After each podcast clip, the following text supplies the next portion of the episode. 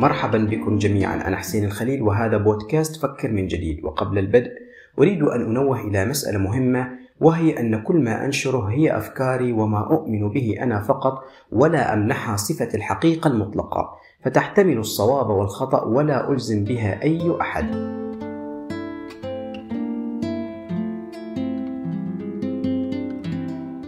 يقول الله سبحانه وتعالى ومن لم يستطع منكم طولا أن ينكح المحصنات المؤمنات فمما ملكت أيمانكم من فتياتكم المؤمنات من هم ملك اليمين؟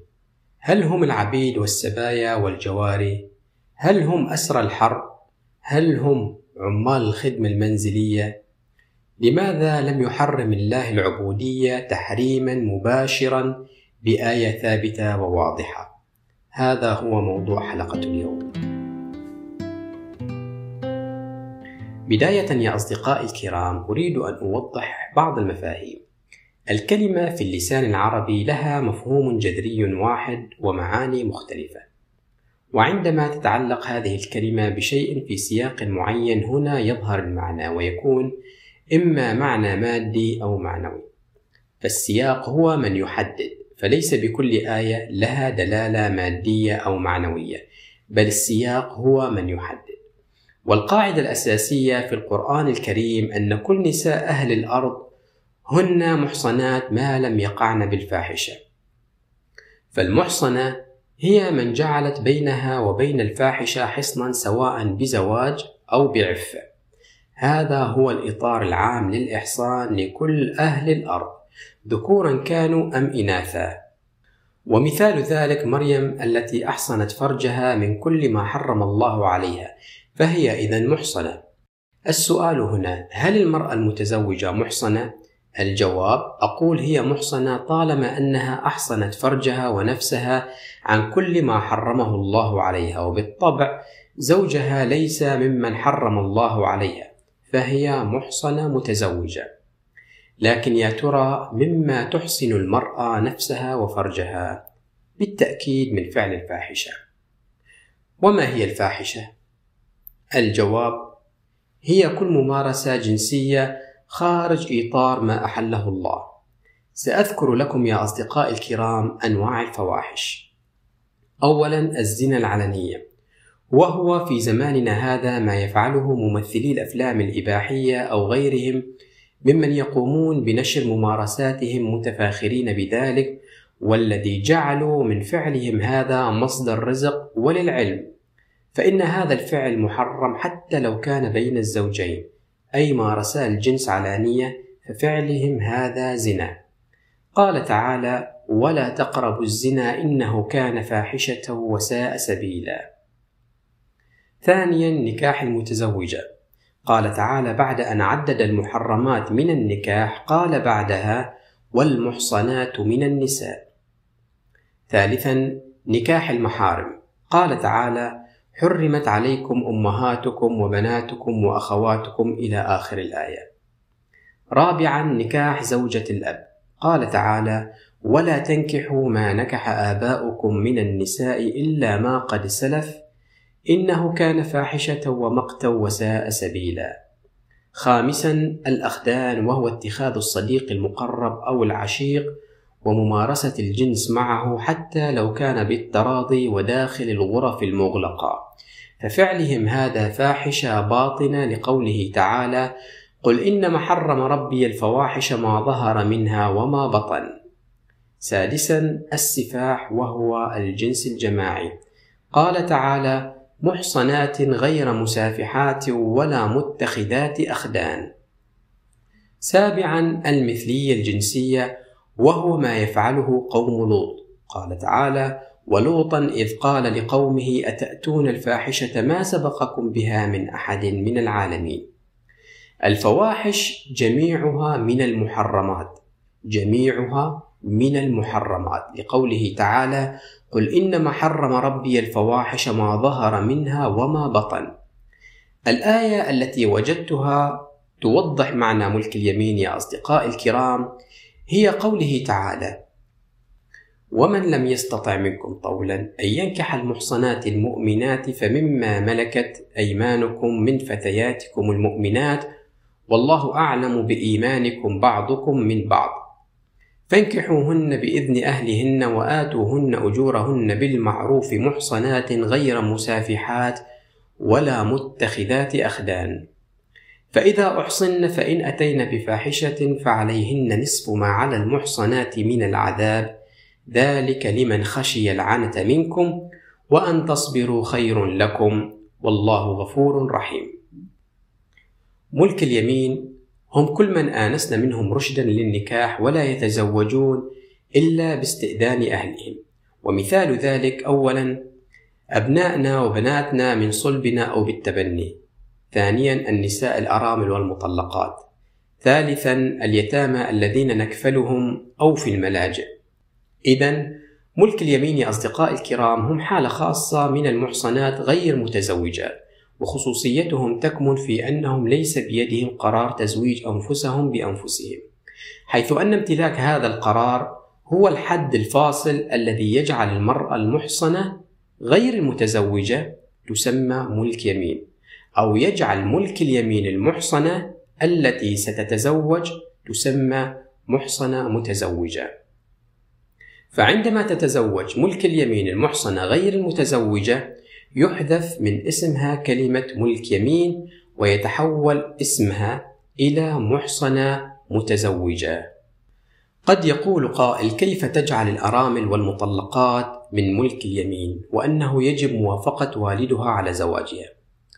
أقول طالما أنها تعيش في بيت والدها ووالدها هو من ينفق عليها وعلى أبنائها إن وجد أبناء ولا تستطيع أن تعول نفسها وأولادها فهي إذا تابع وليس متبوع.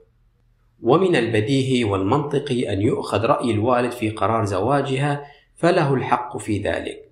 وفي غالب الأمر يوافق الوالد على الزواج. فتصوروا معي مثلا أن أحد الآباء ينفق على ابنته الأرملة أو المطلقة والتي تعيش في بيته وهذا بالتأكيد واجب عليه. ويأتي في أحد الأيام ويقولون له أن ابنتك قد تزوجت بحجة أنها كبيرة وتتخذ قرار زواجها بنفسها أو يكون هو آخر من يعلم. هذا الكلام لا يقبله عاقل.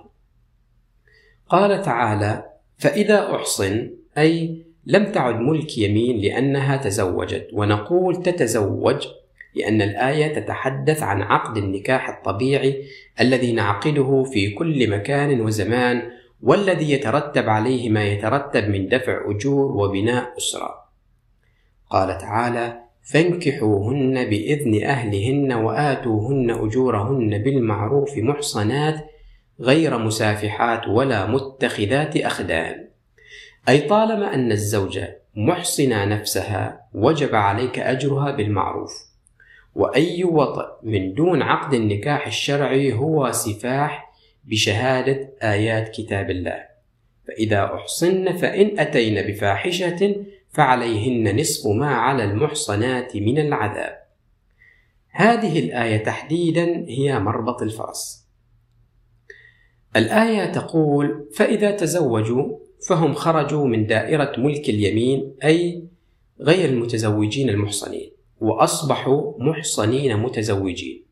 ثم انقلب حالهم ففعلوا الفاحشة التي هي السفاح واتخاذ الخدم.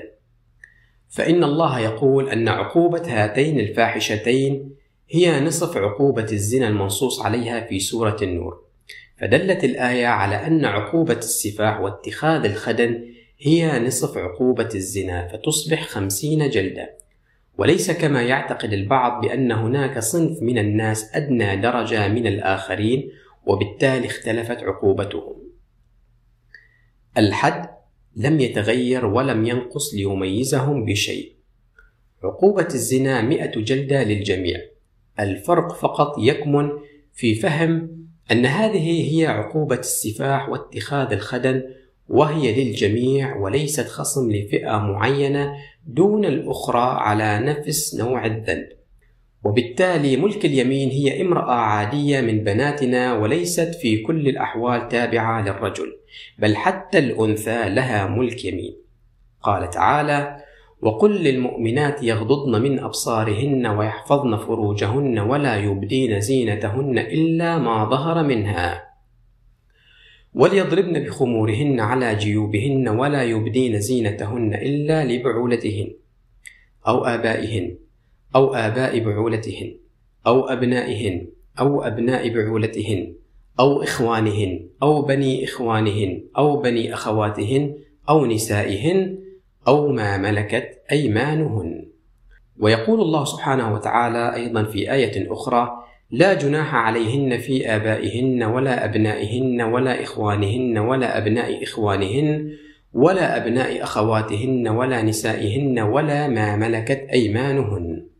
ففي هاتين الآيتين يتحدث الله عن ملك يمين تعود للنساء بقوله وما ملكت أيمانهن. إذا مفهوم ملك اليمين ليس تابعا للرجل فقط بل حتى المرأة لها ملك يمين بدليل هذه الآيات. وهنا سؤال هل الموظفين ملك يمين؟ الجواب بالتأكيد لا.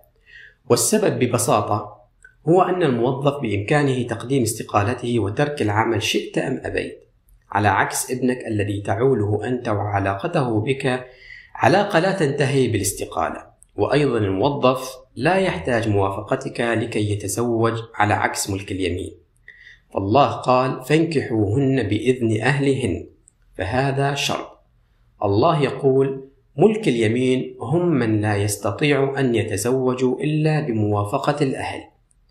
فإن كنت مسؤولا عن شخص ما ووجب الاستئذان منك للنكاح فتعتبر أنت من أهله قال تعالى ومن لم يستطع منكم طولا أن ينكح المحصنات المؤمنات يشير الله في هذه الآية إلى كل من لا يستطيع أن يطول الزواج من المرأة المحصنة التي تمتلك قرار زواجها بيدها.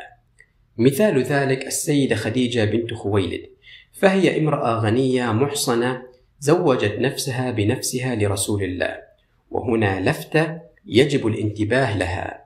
قد يعتقد البعض أن هذا الموضوع فيه طبقية، فيفسره البعض أنك إذا لم تستطيع الزواج من الفتاة المحصنة والحرة فيجب عليك أن تتزوج ممن هي أقل درجة منها درجة في العمل أو المكانة الاجتماعية وهذا خطأ لا أصل له في القرآن المرأة الغنية والمرأة التي تعمل بالأجر اليومي سواسية عند الله ولا فضل لأي أنثى على الأخرى بل ولا فضل لأي إنسان على الآخر عند الله. فعند الله إن أكرمكم عند الله أتقاكم. أما إذا كنت في مجتمع طبقي فالخطأ في المجتمع وليس في الدين. بالقرآن ما في شيء اسمه المحصنة أفضل من غيرها. لأن كلمة المحصنة هنا تعني من أحصنت فرجها عن الفاحشة ولديها اكتفاء واستقلالية في المال. وليس الموضوع عن حرة وجارية. لكن لماذا قال الله أنه من لا يستطيع أن يتزوج المرأة التي تعمل أو تنفق على نفسها ولديها اكتفاء واستقلال مالي والتي لها القوامة أو بمفهوم أوضح الغنية بأن يتزوج ممن هي تحت كنف ورعاية أهلها. الجواب هو أن الزواج مؤسسة اجتماعية قائمة على التوافق الفكري، ويجب أن يطوق بالسكن والمودة والرحمة، قال تعالى: ومن آياته أن خلق لكم من أنفسكم أزواجا لتسكنوا إليها وجعل بينكم مودة ورحمة. فيجب أن يكون الزواج قائم على السكن والمودة والرحمة بين الزوجين لأن الزواج مؤسسة اجتماعية وله أهداف تبنى عليه. ومن أهم أهدافه هو إنجاب الأبناء. قال تعالى جعل لكم من أنفسكم أزواجا وجعل لكم من أزواجكم بنين وحفدا يعني الشغلة مو لعبة. ومن قواعد وأسس التوافق في الزواج هو أن يتزوج الإنسان ممن يشبهه اجتماعيا وماديا وفكريا. وفي عندنا مثل بسوريا يقول يلي مثلنا تعول عنا.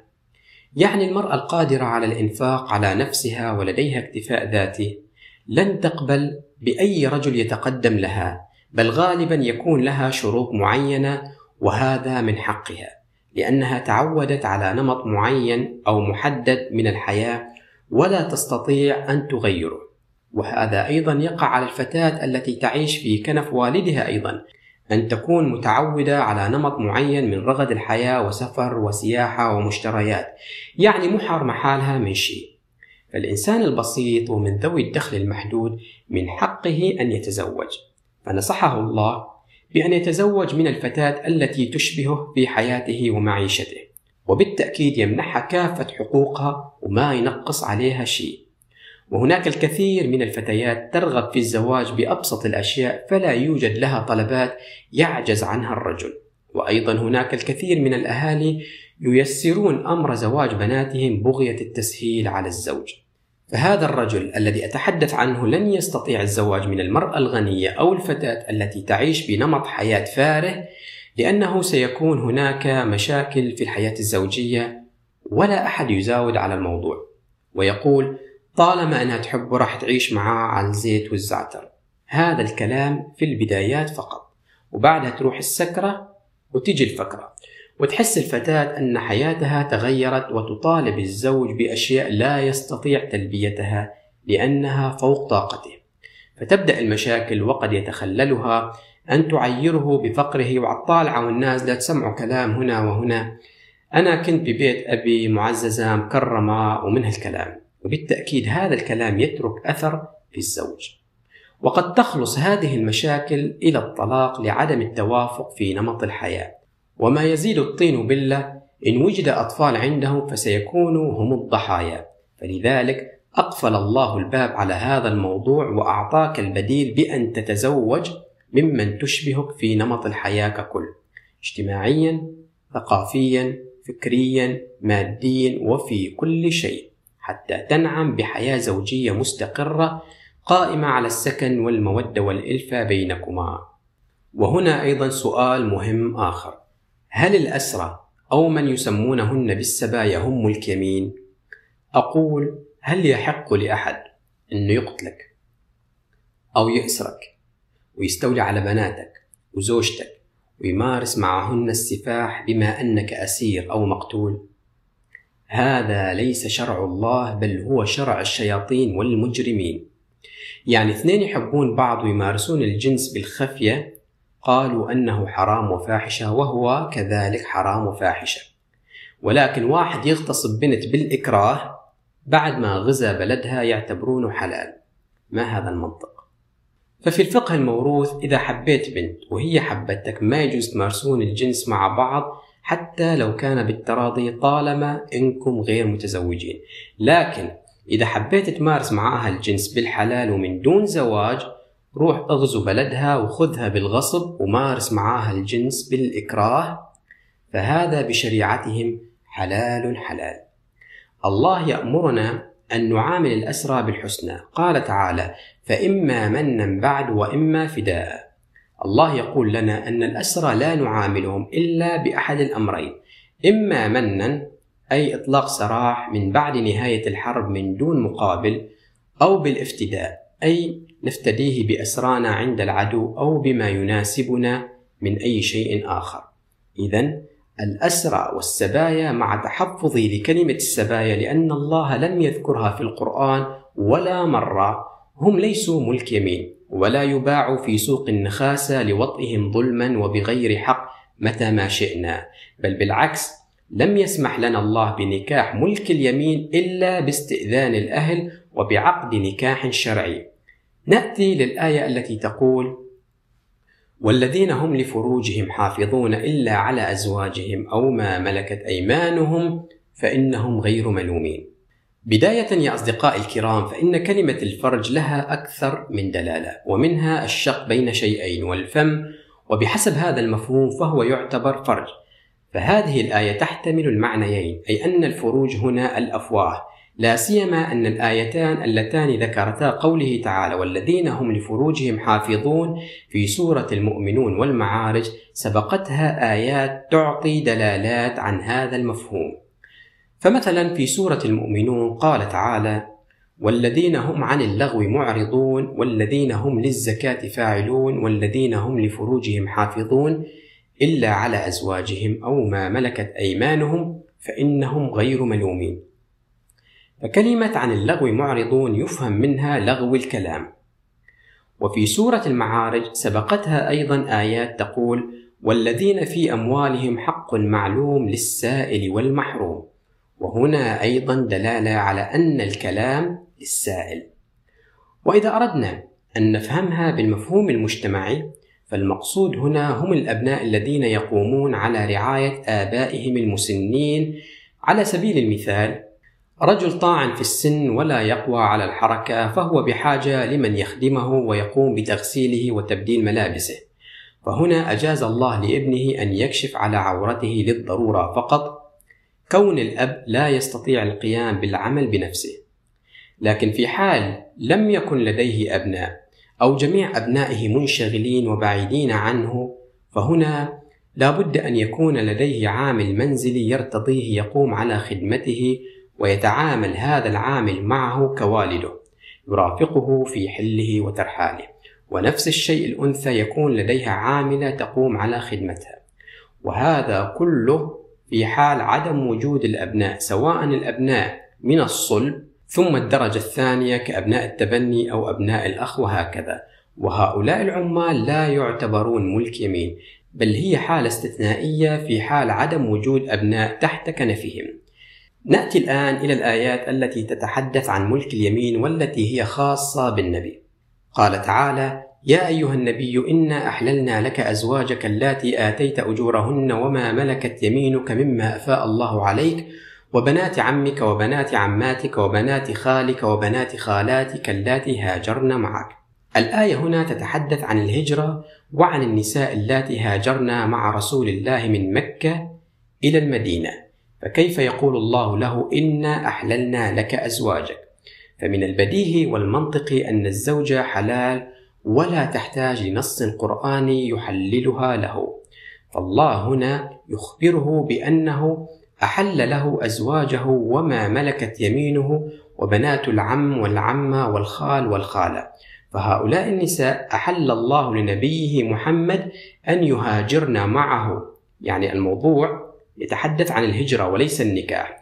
وما ملكت يمينك هنا تعني بناته كأم كلثوم وفاطمة الزهراء باعتبار أن زينب ورقية متزوجات قبل الهجرة. وأيضا من يقوم على خدمة النبي فجاء الإذن من الله ليخبره بحسن نوايا هؤلاء وأنه لا يوجد من بينهم من لا تأمن جانبه. فالسرائر لا يعلمها إلا الله. فمن الخطأ يا أصدقائي الكرام أن نأخذ بآية ونفهمها على ظاهرها. ولكي نفهم موضوع معين في كتاب الله يجب علينا أن نرتل الآيات ترتيلا. فقوله تعالى ومن لم يستطع منكم طولا أن ينكح المحصنات المؤمنات فمما ملكت أيمانكم من فتياتكم المؤمنات فهذه أكثر آيات توضح معنى ملك اليمين. وتأتي بقية الآيات لتقرب المعنى أكثر.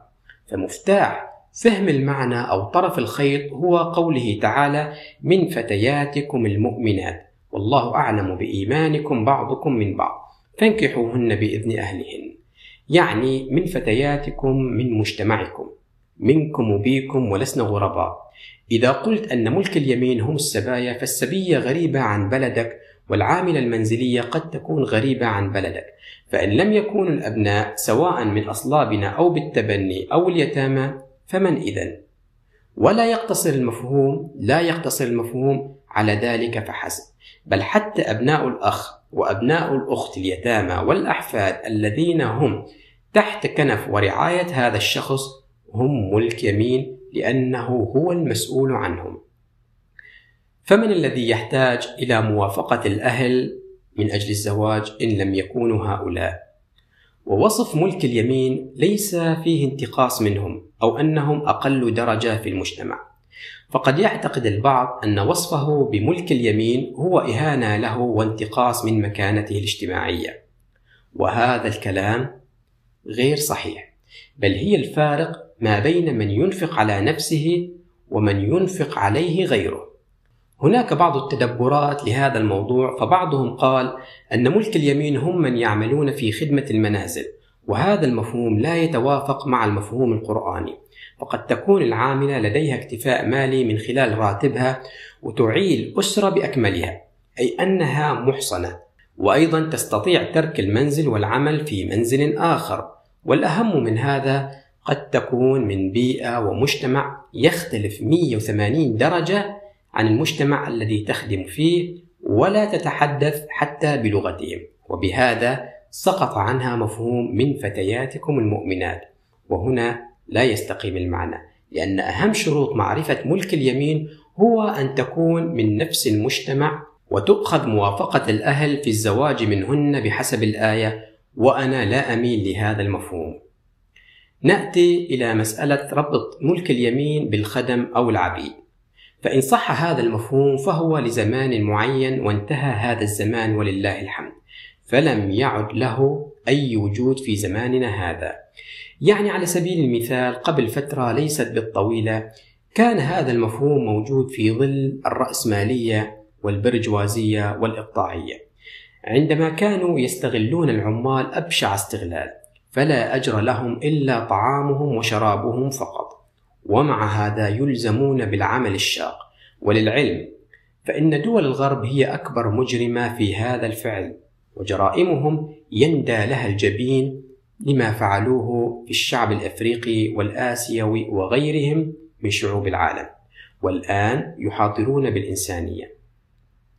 الحقيقة يا أصدقائي الكرام فإن الجميع ارتكب جرائم ضد الإنسانية وجرائم هذه الدول التي تدعي الإنسانية اليوم لا يمكن مقارنتها بجرائم الدول الإسلامية في حاضرنا. فمثلا هناك ستة أشخاص وهم أدولف هتلر وماو تسي تونغ جنكيز خان وجوزيف ستالين وبول بوت وموسوليني. هؤلاء المجرمين الستة لوحدهم لوحدهم تسببوا بمقتل ما لا يقل عن 200 مليون إنسان. أنتم متخيلين هذا الرقم المخيف والمرعب؟ وما في ولا اسم من بينهم هو لشخص مسلم. وهذه الأسماء هي عبارة عن جزء بسيط من باقي الأسماء التي لم أذكرها. كترومان الذي ألقى القنابل الذرية على اليابان وجرائم فرنسا في أهلنا في دول المغرب العربي. وهذا غيض من فيض عن جرائم تلك الدول التي تحاضر اليوم عن الإنسانية. وبالعودة إلى موضوعنا الذي هو ملك اليمين فإن زمن الرق أو العبودية انتهى وبالتالي انتهى ربط ملك اليمين بهم. وأيضا هناك من ذهب بمفهوم أن ملك اليمين هن السبايا فهذا المفهوم بعيد كل البعد عن جوهر القرآن فهل من المنطق أن تؤخذ موافقة الأسير من أجل الزواج بابنته أو زوجته التي تم سبيها بالقوة؟ بالتأكيد لا. وأخيرا نأتي إلى مسألة لماذا لم يحرم الله أو يمنع الله العبودية؟ لماذا لم يتحدث عن حرية الإنسان؟ أولا ربنا سبحانه وتعالى أعطى للإنسان حرية المعتقد. قال تعالى فمن شاء فليؤمن ومن شاء فليكفر وآيات كثيرة في هذا السياق وهذه تثبت حرية الاختيار. ثم إن ربنا سبحانه وتعالى لم يتحدث عن الحرية بشكل مباشر لأنها من حق الإنسان ولا تحتاج لنص ليحللها. لأن الأصل في خلق الإنسان أن يكون حرا كالتنفس والطعام.